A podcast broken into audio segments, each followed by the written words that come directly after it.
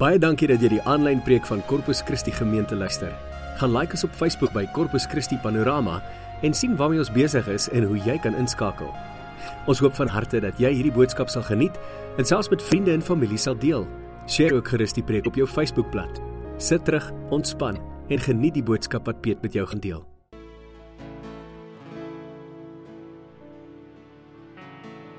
Here mag mag ons lewens getuig van u grootheid. Mag ons lewens spreek, Here, van u almag. Here mag mense wanneer hulle na ons kyk, u sien. Nie omdat ons so oulik is nie, Here, maar omdat u so groot is. Here, omdat u liefde op ons gesigte staan. Here, omdat u genade ons lewens deurweek omdat u liefde ons so verander het, Here, dat ons nie anders kan as om u te reflekteer nie. Here, u is 'n groot God. U is almagtig. Daar is niemand soos u nie. Here, en steeds kom u en u maak tyd om by elkeen van ons stil te staan. U maak tyd om Here ons elkeen vas te hou en ons te herinner daaraan dat u vir elkeen van ons, net soos ons is, lief is dat U ons gemaak het, Here, en geskep het na U beeld. Here, my gebed is dat ons ver oggend net weer eens bewus sal word van U teenwoordigheid. Here, dankie dat U nie ver is nie.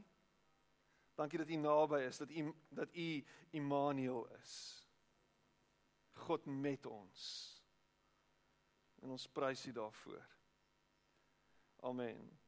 En amen. Baie dankie. Jy mag jy sit plek neem. Hoe gaan dit vanoggend? Lekker aan hierdie kant. Ja, wonderlik. Um gelukkige Valentynsdag. Ek het 'n rooi onderbroek aan. Ek jok. Ek het rooi sokkies aan.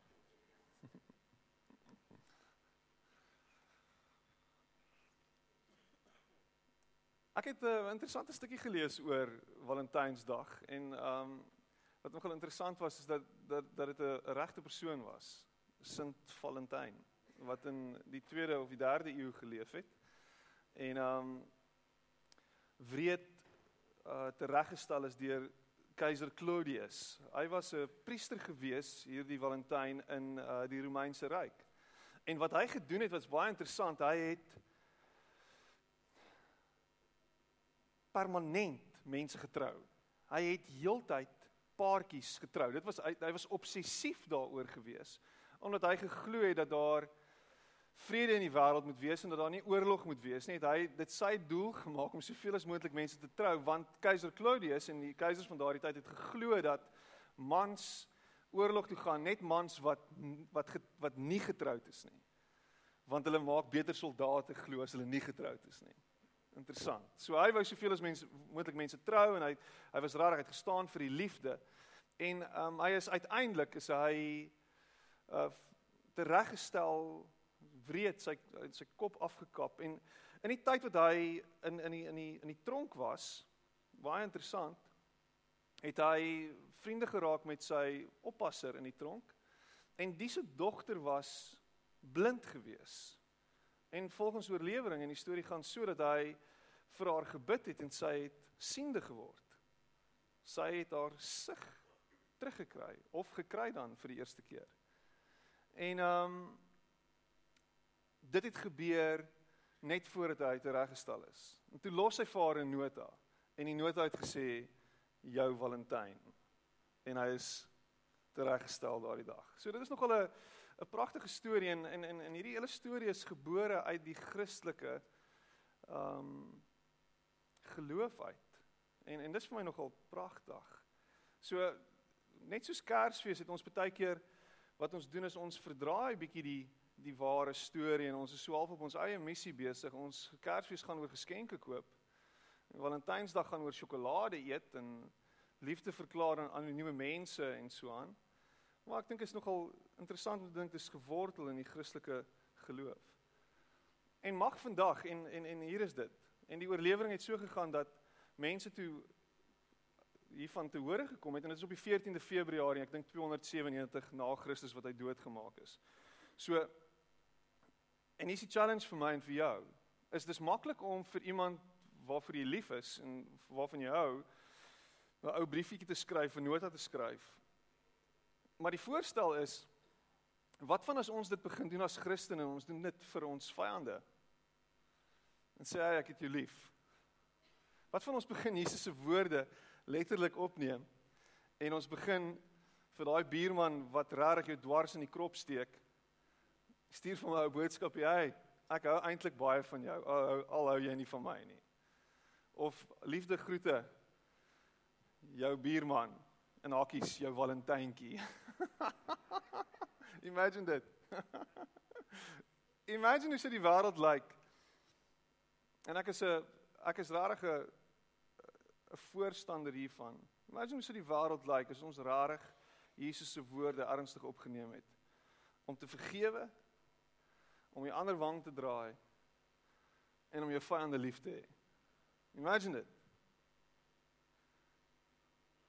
Ons ons ons lewe in 'n huis waar daar twee waar daar twee klein dogtertjies is. Die een is 2 en die ander een is 5 going on 16 En wat gebeur in ons huis is as Sissa, klein Sissa, my seer maak en dit was baie interessant geweest. Ek sit gister op die op die bank en ek kyk na die twee van hulle en hulle is besig om iPad te kyk vir daai halfuur dag wat hulle mag en en klein Sissie lê so oor en groot Sissie is so half afsydig met die iPad en die kleintjie gryp die groot so na hare so. En sy ruk so. En 'n vuis vol hare kom uit haar kop uit. nou kan jy dink, dit moes redelik seer gewees het. Ek maak dit nou asof niks gebeur het nie. Nie waar, dis nie die einde van die wêreld nie. En sussie retaliate en sy stamp haar en sy probeer haar seermaak. En ek sê vir hom, "Wat doen jy?" Maar sy het my seer gemaak. Né? Nee? En is daai daai tipiese primal ding in ons harte om wanneer ons seer gekry het, terug seer te maak. Wat het jy aan my gedoen? Want ek gaan dit ek gaan dit 10 keer erger vergeld. Ek gaan jou terugkry. Jy het my seer gemaak, so watch now. Nou gaan jy sê, nou gaan ek jou wys.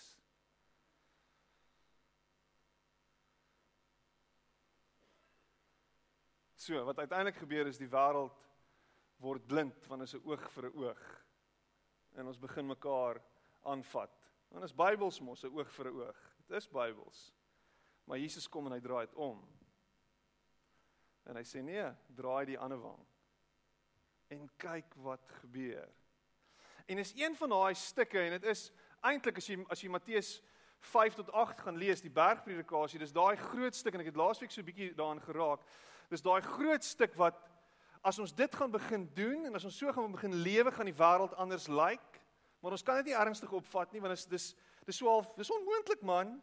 Dis so half 'n idealisties en hierdie ideologie gaan definitief nie werk nie en ons is mens. Maar Jesus is besig om te sê dit is hoe God se koninkryk lyk. Dis hoe die wêreld veronderstel is om te wees. En ons is veronderstel om God se koninkryk sigbaar in hierdie wêreld te maak. Ons is veronderstel om die hemel sigbaar te maak hier en nou. En ons kan dit doen deur sy genade en sy liefde. As ons toelaat dat sy genade en sy liefde ons harte verander. Imagine en ek gaan aanhou om te sê hoe ons omgewing gaan lyk as ons net hierdie ding gaan toepas. Imagine hoe dit gaan lyk like daar waar jy bly as ons dit gaan toepas. Ons het hierdie week interessante gesprekke gehad, baie interessante gesprekke. Um interessante goed wat wat wat gebeur het en onder andere het ek 'n gesprek gehad met iemand wat sê ek glo glad nie in in God nie en ek stel glad nie belang om te hoor van die kerk en en waarvoor die kerk staan nie. Uh, Trouwens die kerk maar aangaan soos wat hy aangaan. Ek ek wil niks daarmee te doen hê nie. Um en dit was interessant en die persoon sê toe die volgende. Ek kies om en en en die, dit gaan oor 'n uh, kind wat nie mag deelneem aan godsdiens en Bybelonderrig by die skool en so aan nie. Ons skool staan nogal redelik daarvoor. En en en die ma sê toe want ek wil nie hê my kind moet 'n skaap word nie. So woorde. En sy het dit baie mooi bedoel. Sy het nie sy het dit nie lelik bedoel nie en Sy weet ek 'n pastoor, so sy wil nie vir my sê ek is 'n skaap nie. Maar sy het dit gesê by implikasie, nê. En en en wat wat sy gesê het is en waarop sy gesin speel het is dat Christene nie vir hulle self kan dink nie. OK, so sy het dit gesê wat interessant was want ek wonder of dit nie in 'n sekere mate waar is nie. Ons gaan baie keer net aan en ons dink nie meer nie. Maar maar wat wat sy verder gesê het is is is dat sy sy het ook gesê is dat om 'n Christen te wees en om 'n skaap te wees is swaalf dit kan nie anders nie. Jy moet 'n skaap wees. Want jy volg blindelings. Jy volg blindelings. Nou as ek nou moet vra hoeveel van julle het nou al die herder gesien, die goeie herder? Het jy al Jesus gesien? Nou, daar's 'n paar TV-predikers wat al die Here gesien het en hulle is amazing. Ek het nog nie. Maar ons volg blindelings. En deel van ons volg en deel van ons volgelingskap beteken dat ons gehoorsaam moet wees aan die herder. Ons moet luister as die herder met ons praat. Luister jy as die herder met jou praat? Volg jy dit wat hy vir jou sê? Ek is lief daarvoor om wanneer ek 'n paartjie te trou, trou um te praat oor Psalm 23. En ek maak dit altyd duidelik dat as paartjie is dit baie belangrik dat ons en dat hulle sal loop in die voetspore van die herder. En dan sê ek dit, dit maak van julle twee skape. En hoe voel dit as ek dit sê? Jy's 'n skaap. Lag een van my vriende het gister 'n foto gepost op Facebook van so 'n skaapkop wat vir hom so lê en loer in sy bord. Dis sê hierdie was baie lekker geweest apparently. Skaapkop. Anyway, 'n skaap. Jy is 'n skaap. En hierdie vrou wat haarself as 'n uitgesproke ateïs verklaar, het dit so raak geslaan. Jou skaap. Ek het nie eens beledig gevoel nie. Ek het vir 'n oomblik net geryk, ryk ek nie dalk soos 'n skaap nie. Hoopelik nie. Maar jy's 'n skaap.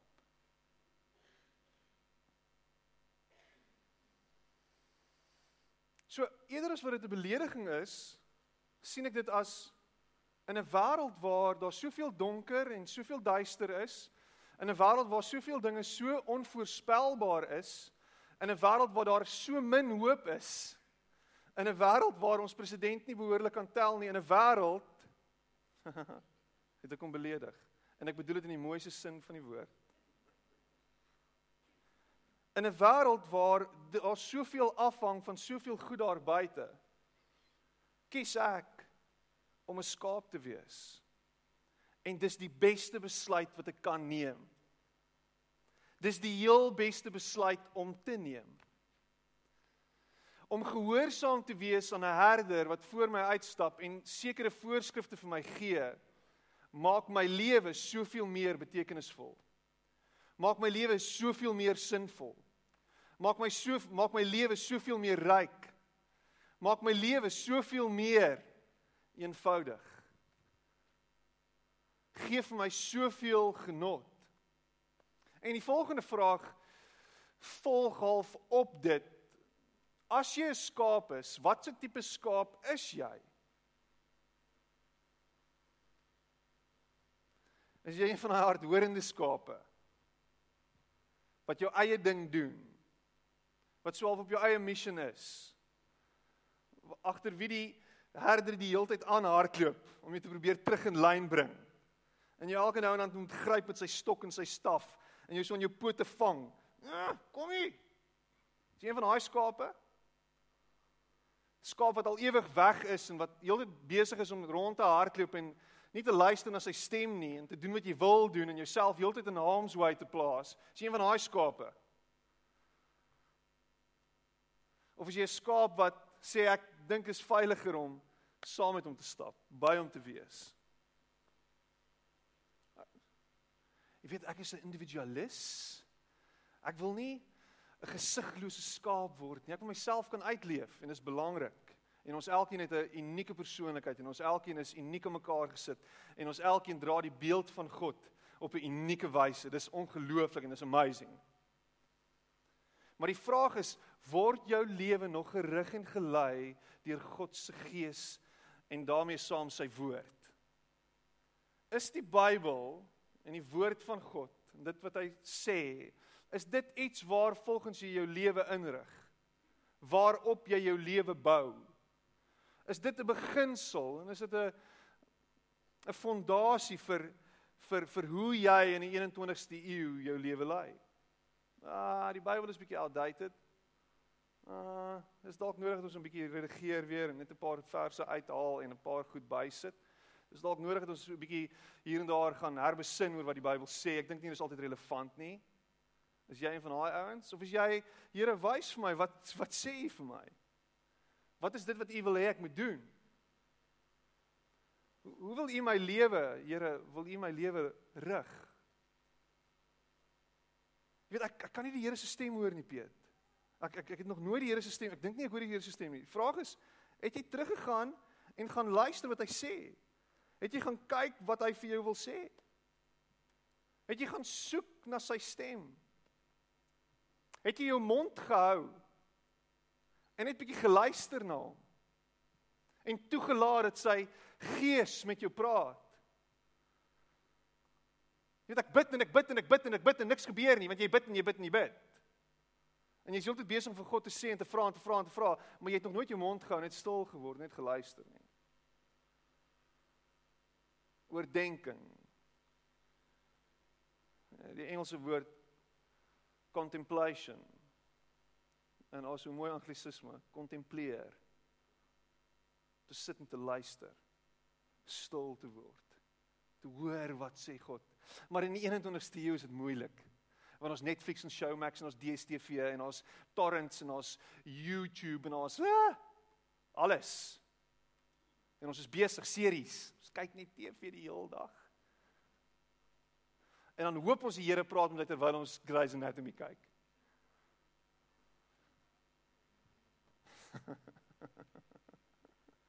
jy gaan nie die Here hoor as jy Grey's Anatomy kyk. Miskien gaan jy. Miskien gaan jy.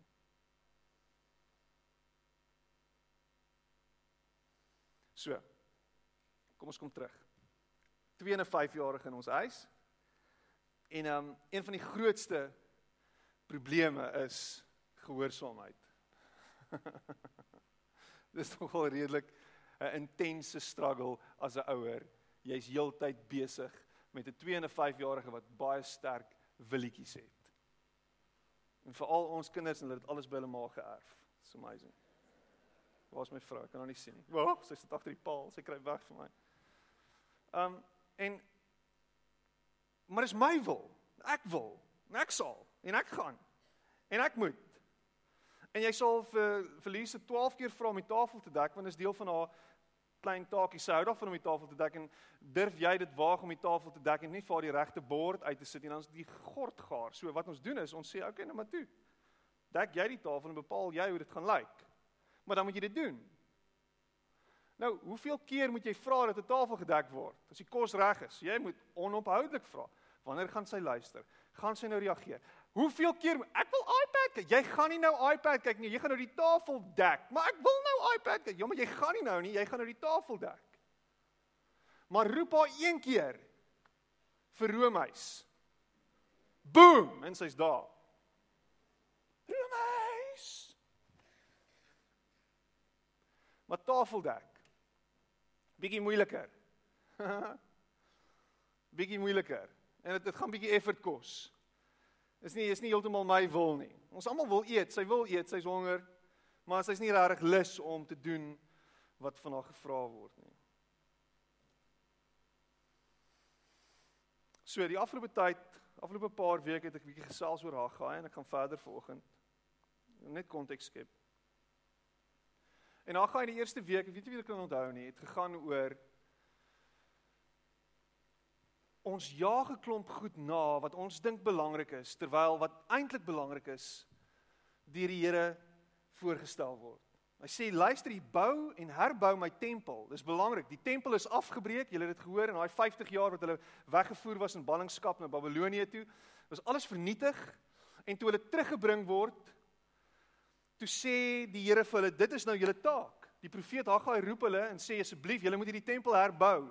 Dit moet 'n herstel wees van God se teenwoordigheid in Israel. So kom ons kry die tempel reg, ons kry ons prioriteite reg en ons bou. En hy sê vir hulle hoe om te bou. Hy gee vir hulle hy gee vir hulle die formule en ons hou van formules. En die formule het gesê: "Gaan op na die berg, kry die hout en bring dit af." Gaan op na die berg, kry die hout en bring dit af. En dan bou julle. Gaan op na die berg, kry die hout, bring dit af en bou. In die, in die, in die tweede plek en laas week het ek gesels oor hoe ons deur moedeloosheid moet voortbou en voortbeer. En en hulle hulle het begin bou en die fondasie is gelê en toe uiteindelik kom die kom die Samaritane en sê maar waarmee is julle besig en hulle begin redelik kaal oor hierdie ouens wat besig om hulle tempel te, tempel te herbou en en as gevolg daarvan verloor hulle spoed. Hulle raak half moedeloos, hier's teenkanting. Nou, hoe gaan ons nou hierdie ding doen? Hier's hier's ouens wat teen ons is. En en ons as Christene raak baie keer so mismoedig wanneer daar bietjie teenkanting is, wanneer daar pushback is, wanneer dinge nie noodwendig loop soos wat ons gehoop het dit loop nie. Wanneer dit bietjie moeilik gaan. Ons ons moet dan definitief gaan herbesin. Want want die lewe moet mos maklik wees. Alles moet maklik, alles moet maklik gebeur. En al wat hy vir hulle sê is bou. Hou aan bou. Wees dapper, wees sterk, bou nog 'n klip, nog 'n baksteen, nog 'n baksteen. Sit nog 'n baksteen neer. Sit nog 'n baksteen neer. Sit nog 'n baksteen neer. En as jy wonder wat om te doen, sit nog 'n baksteen neer want uiteindelik gaan ons daarby uitkom. Baksteen op baksteen op baksteen op baksteen. Hou aan, al is dit moeilik. Hou aan, hou aan, hou aan. Moenie wanneer dit moeilik gaan terugduins nie. Dis dan wanneer ons moet voortbeer. Dis dan wanneer ons moet aanhou. Druk deur. En vanoggend gaan oor spesifiek hierdie beginsel in ons lewens dat ek en jy moet gehoorsaam wees aan dit wat God vir ons sê. Is jy besig om net jou eie kop te volg of is jy besig om te luister na wat hy voorstel? En as kinders sukkel ons om hierdie goed te proses.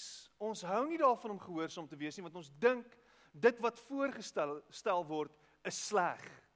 Dit kan nie goed wees nie want ek sien dit anders. Ek sien dit op my manier. Ek wil nou iPad kyk. Jy moet nou kos in jou lyf kry. Dis die voorstel en dit is die opdrag. Jy het kos nodig. So vir dit om te gebeur, gaan ons nie so klomp barbare uit die potte uit eet nie. Ons gaan nou tafel dek. So kom dek die tafel. Maar ek wil nie, maar jy moet.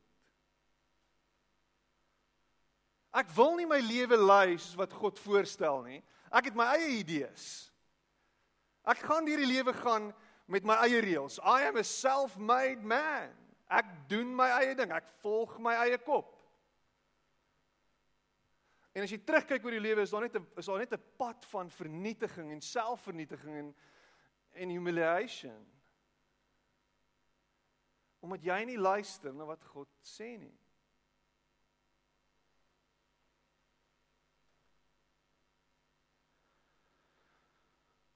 So. Luister hierna.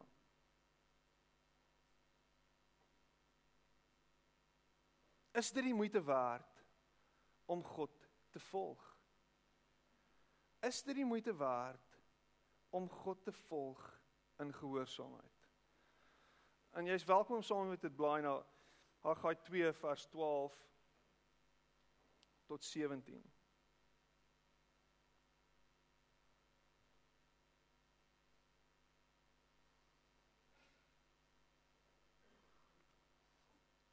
So sê die Here die Almagtige.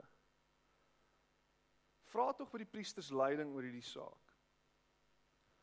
As iemand vleis wat aan die Here gewy is, in die sak van sy klere dra, en hy raak met die sak aan brood of groente of wyn of olie of enige ander kos, sal die dinge dan gewy wees, gewy of heilig wees. as hy hierdie vleis, hierdie heilige vleis wat aan die Here geoffer word, in sy mantel dra en hy raak met dit aan ander goed, sal hierdie goed gewy wees. En die, en die antwoord, en die antwoord wat die priesters gee is nee. Dit sal nie gewy wees nie. Dit sal nie heilig wees nie. Toe sê Haggai, as iemand wat onrein is deurdat hy aan 'n lijk geraak het, aan hierdie dinge sou raak, sou hulle dan onrein word? Die priesters het geantwoord: "Ja, dit sal onrein word." OK, dis interessant. En wat hier te sprake is en wat hier aan die gang is, is weer 'n toestand van ons lewe. En dit is weer duidelik hoe die rol van iets so is en oor dit klink so argaïs en jy klink ver oggend soos 'n ou apostolie pastoor pastoor. Oh. Maar die die krag van die sonde. die krag van dit wat verkeerd is. Die krag van dit wat onrein is. Sin or bad company corrupts. En dis presies wat die Bybel hier sê. Sonde het hierdie manier, is soos 'n dis soos 'n siekte. Dis moeiliker, dis makliker om te versprei as iets soos heiligheid. So dit wat verkeerd is, kom so maklik. En dit dit raak ons so maklik aan. Dit gaan sit so maklik aan ons. En in die afgelope tyd was daar 'n verskriklike maagvirus in die lug. Oh. Daai ding versprei net so. Jy moet net naby aan 'n siekte kom, aan 'n siek, aan 'n siek, aan 'n sieke kom. Hy moet net vir jou kyk, net in jou nuus, in jou rigting nuus of hoes of aan jou raak. Maar jy kan met 'n bottel Dettol kom na hom toe. Jy kan hom salf met Dettol. en dit werk nie. Want daai virus sit. Dis hoekom Dettol sê in Savlon kills 99.9%. 0.9 Nie alles nie. Bad company corrupts. Good company doesn't clean. So as as ons behep raak met om ons lewe op 'n op die regte manier te lei en dit wat ons doen op die beste manier moontlik te doen, gaan ons lewe uiteindelik begin anders lyk. Like. Maar dis 'n proses. En dit voel vir my dis moeiliker. En vandag is dit set up met hierdie hele ding van daar moet 'n heeltyd 'n deurdruk wees. Daar moet heeltyd 'n 'n aanhou wees. Daar moet heeltyd 'n stuk effort wees. In 'n wêreld wat soos 'n magneet trek, soos 'n soos 'n swart gat, soos 'n black hole, ons heeltyd probeer insluk, gaan dit weerstand kos. Nie deur onsself nie, nie op ons eie krag staat maak nie, maar deur die genade van die Here en deur die dryf van die Gees om uiteindelik weg te bly van dit wat ons kan insluk en meesleer. Dit is so maklik. Dit is so maklik. Maar die vraag is, gaan ek deurdruk? Gaan ek aanhou om te doen wat goed en te doen wat reg is? Maar oh, Piet, Genade. Dis al wat ons nodig het. Genade. En ek is een van die grootste genade predikers wat ek ken. Genade. Dis al wat ons nodig het. So dan kan jy doen wat jy wil, want genade gaan alles net uitvee. Is dit hoe dit werk? Paulus sê so ons kan maar net aanhou en aanhou en aanhou en aanhou want genade is daar.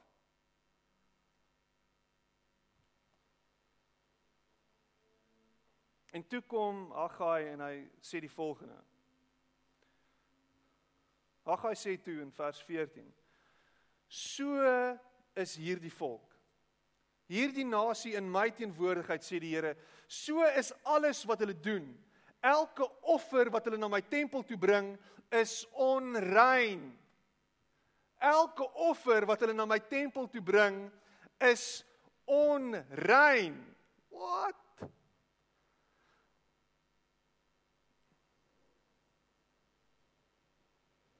En hier's die ding. Hier kom dit. Hier is dit.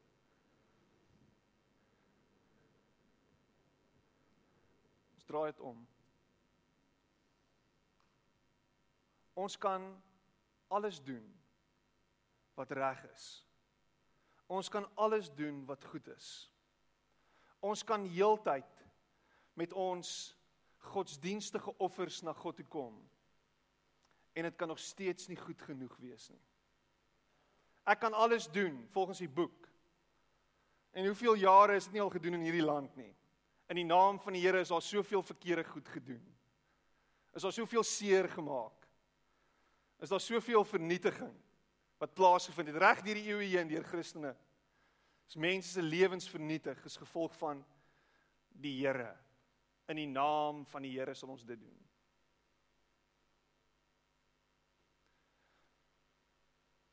Want om goed te doen en reg te doen in die oë van die Here gaan oor meer as wat ons doen. Dit gaan oor hoekom ons dit doen. Dit gaan oor ons harte.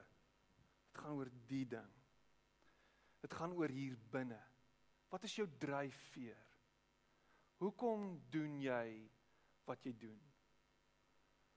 Hoe opreg is jy in dit wat jy doen? Hoe opreg is jy wanneer jy kom na die Here toe. Wanneer jou hart met God nie reg is nie.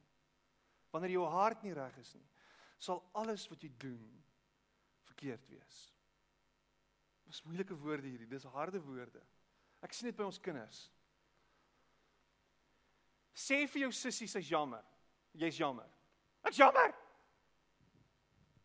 Wat het sy gedoen? Sy het die regte ding gedoen. Maar die manier hoe sy dit gedoen het, het nie gespreek daarvan dat sy regtig jammer is nie. Né? Nee? Of weet sy? Sy het mos nou gesê sy's jammer. Jammer. Sê weer vir jy's jammer. Ek's jammer. Ag hierdie keer as jy dit sê, bedoel jy dit en gee vir haar 'n drukkie. Jy moet vir haar wys jy's jammer. En ons 2 jaar gedoen dit so oulik. Jammer so so. Gaan jy dit weer doen? Nee, ek gaan dit nie weer doen nie. jy jok, kan dit sien. Maar hoe is jou hart? Teenoor daai ou wat jy te na wat jy te na gekom het. Dis moeilik, Piet.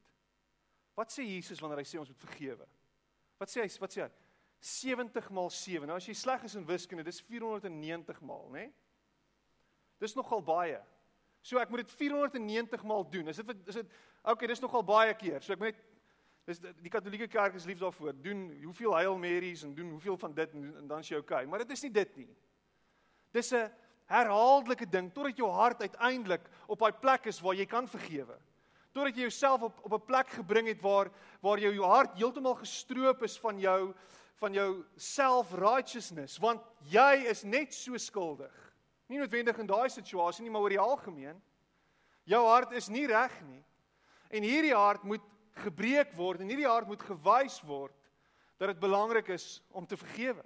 So doen dit en hou aan om dit te doen totdat jy dit reg kry. Dis wat Jesus sê.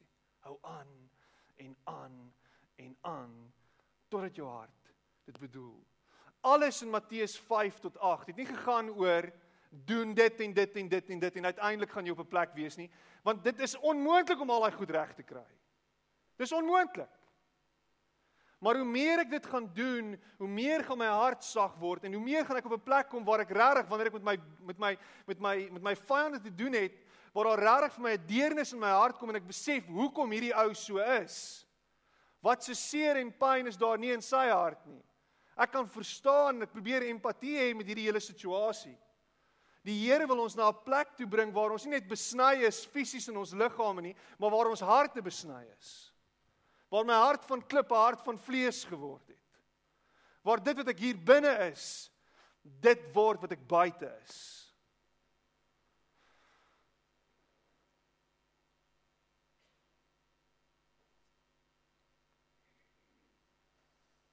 So wat eintlik gebeur en wat ons baie keer dink is ek moet dan meer en meer gehoorsaam word en ek moet meer en meer doen wat die Here sê sodat ek uiteindelik 'n klomp goed kan kry.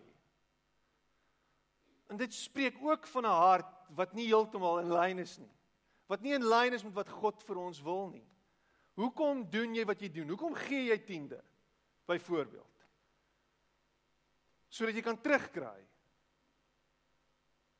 Hoekom help jy ander? Sodat jy ook geseën kan wees. Is is dit hoekom jy dit doen? Waaroor gaan jou lewe? Die Here soek my hart en ek is nie heeltyd besig om te doen sodat ek kan terugkry nie. Dis nie waaroor dit gaan nie. Dit gaan nie so ek doen sodat ek gered kan word nie. Ek doen sodat die Here oor my kan glimlag nie. Ek doen omdat alles binne in my smag daarna om in 'n liefdevolle verhouding met God te wees. My en jou verhouding, dit waarmee ons onsself besig hou elke dag, moet spreek daarvan dat ek my lewe gee vir jou. Ek gee vir jou sodat jy veilig en geborge kan voel, sodat jy kan reageer op hierdie liefde wat ek aan jou wys. God kom en hy gee homself vir my en vir jou deur sy seun Jesus sodat hy homself kan wys as 'n liefdevolle en 'n genadige God. En hy nooi jou in en sê kom, ek soek jou. Ek soek jou hele wese. Ek wil my hart vir jou wys. Dis my hart. My hart is nie hier om jou te veroordeel nie. My hart is hier om jou in te nooi, om my om jou saam met my te vat op hierdie pad. Ek wil wys wie ek is sodat ek jou heelhartig kan kry en kan hê. Dis hoe jy jou vrou gewen het. Jy het jou hart vir haar gewys. Jy het iewers was jy vulnerable geweest. Iewers het jy jouself totaal na openbaar en haar gesê dis wie ek is. Take it or leave it. Dis wie ek is. En sy het daarvan gehou en sy het besluit om saam met jou hierdie pad te stap. Maar jy moes jouself op een of ander manier wys. En dis wat God kom doen. Hy soek jou hart. Sit hom eerste. Stel hom, stel sy huis eerste. Bou hierdie tempel klaar. Ek wil sien dat jy aan my behoort. Ek wil sien dat jy ingestel is op my. Ek soek jou hart.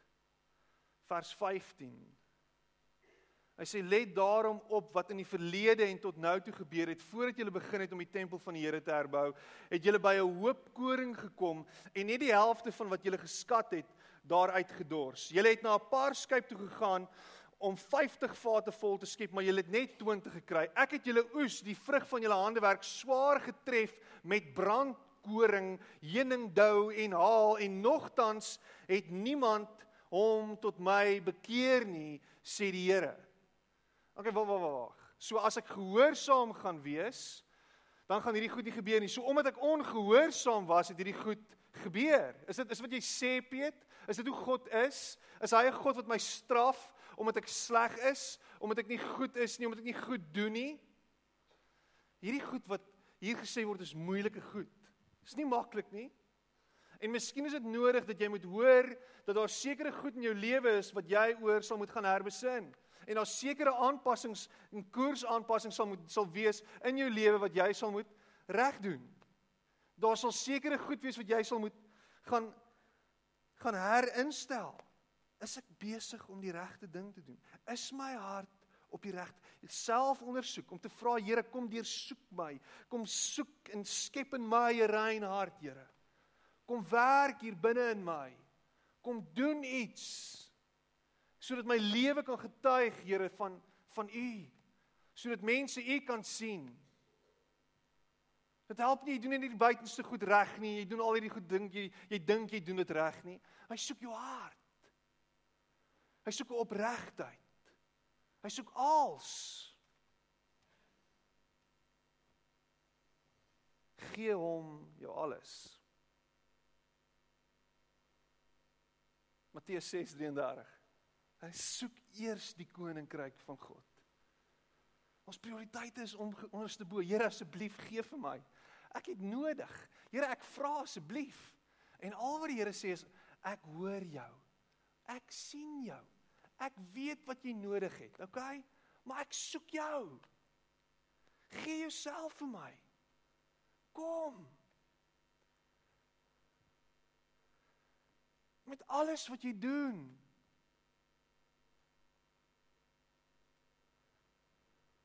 Ek smag na daai verhouding met jou.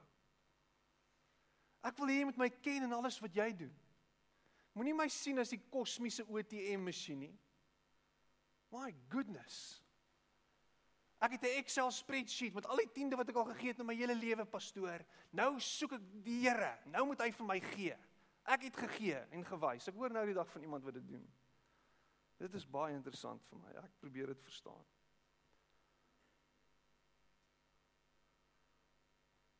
Hy soek jou hart.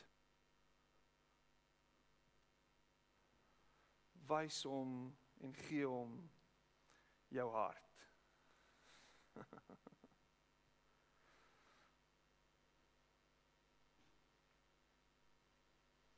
Vers 19. En nie besluit ek af.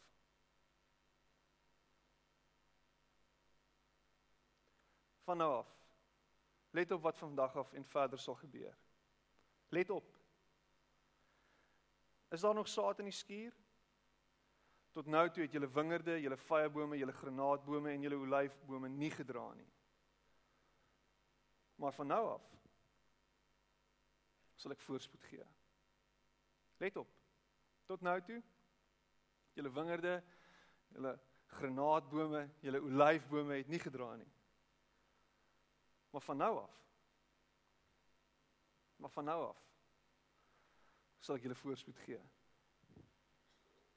van nou af sal dit wat jy nodig het sal inkom.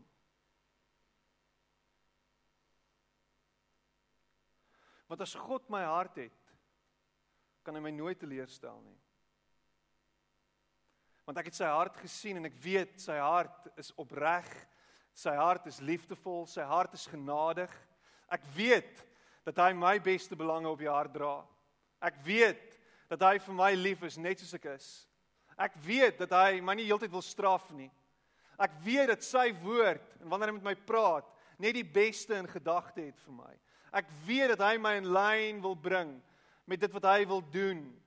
En as ek net wil hoor en as ek net wil inval en net sal doen elke nou en dan dit wat hy vir my vra en bietjie effort insit en bietjie hier en daar goed neerlê en ander goeders optel is daar sekere goed wat gaan gebeur.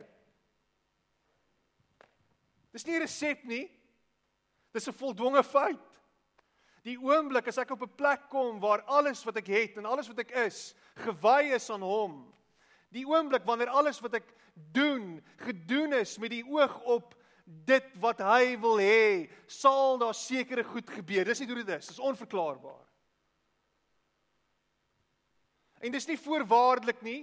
Dis nie hierdie meganiese en meganistiese ding nie. Doen dit en ek sal dit doen nie. Dis nie wat hy sê nie.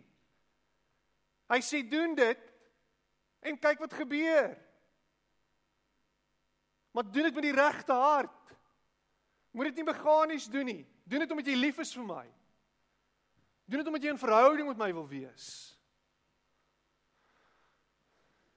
En hanteer almal rondom jou as God geskape beelddraers van die hoogste God.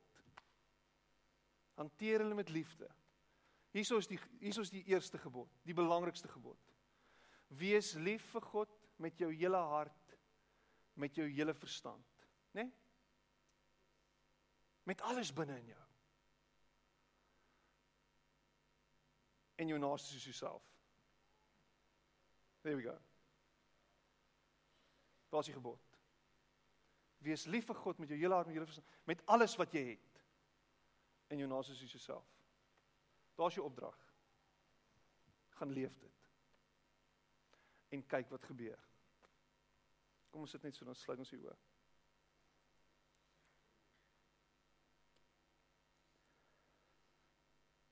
Here, u woord is 'n lamp vir ons voet en 'n lig vir ons pad. En al is dit nie 'n spotlight wat kilometers en kilometers ver skyn nie. Is dit 'n lig en 'n lamp vir nou, net hier. Dit wat ons nodig het, nou. Here wys ons nou. Rig ons nou, lei ons nou in die hede, in die oomblik. En help ons om gefokus te wees op dit wat U vir ons nou wil sê. Maak oop ons ore, Here. Maak oop ons harte. En miskien is alles nie duidelik nie, miskien is alles nie heeltemal verstaanbaar verduidelik nie. Ek het maar probeer so die beste van my vermoë. Here, maar help ons om uiteindelik op 'n plek te kom waar Here ons hele wese aan U gewy is. Ons nie net meganies goedjies probeer doen om U te behaag nie, Here, maar dat ons dit doen omdat ons regtig lief is vir U. Dis my gebed. En hier sit 'n klomp van ons vanoggend hier met 'n klomp vrae en 'n klomp behoeftes en 'n klomp seer en 'n klomp goed wat aangaan wat buite ons beheer is en ek vra net Here dat U sal kom deur die Gees en dat U net rustigheid en kalmte sal bring en vrede wat alle verstand te bowe sal gaan. Here en dat ons net herinner sal word dat dit ons wat ons kan doen net sal doen. Doen net wat jy kan doen, doen dit nou. Help ons en U doen die res. Dankie dat U die res doen, dat U die God van die res is en dat U die groter God is wat ons ooit kan verstaan en begryp. En dat U op een of ander manier alles bymekaar sal bring op U goeie tyd en dat U vir ons dit sal gee, Here, dit wat ons nodig het en dit wat U goed dink op die regte tyd, op die beste tyd. Dis my gebed in Jesus naam. En dankie dat U hoor en dankie dat U luister. Amen.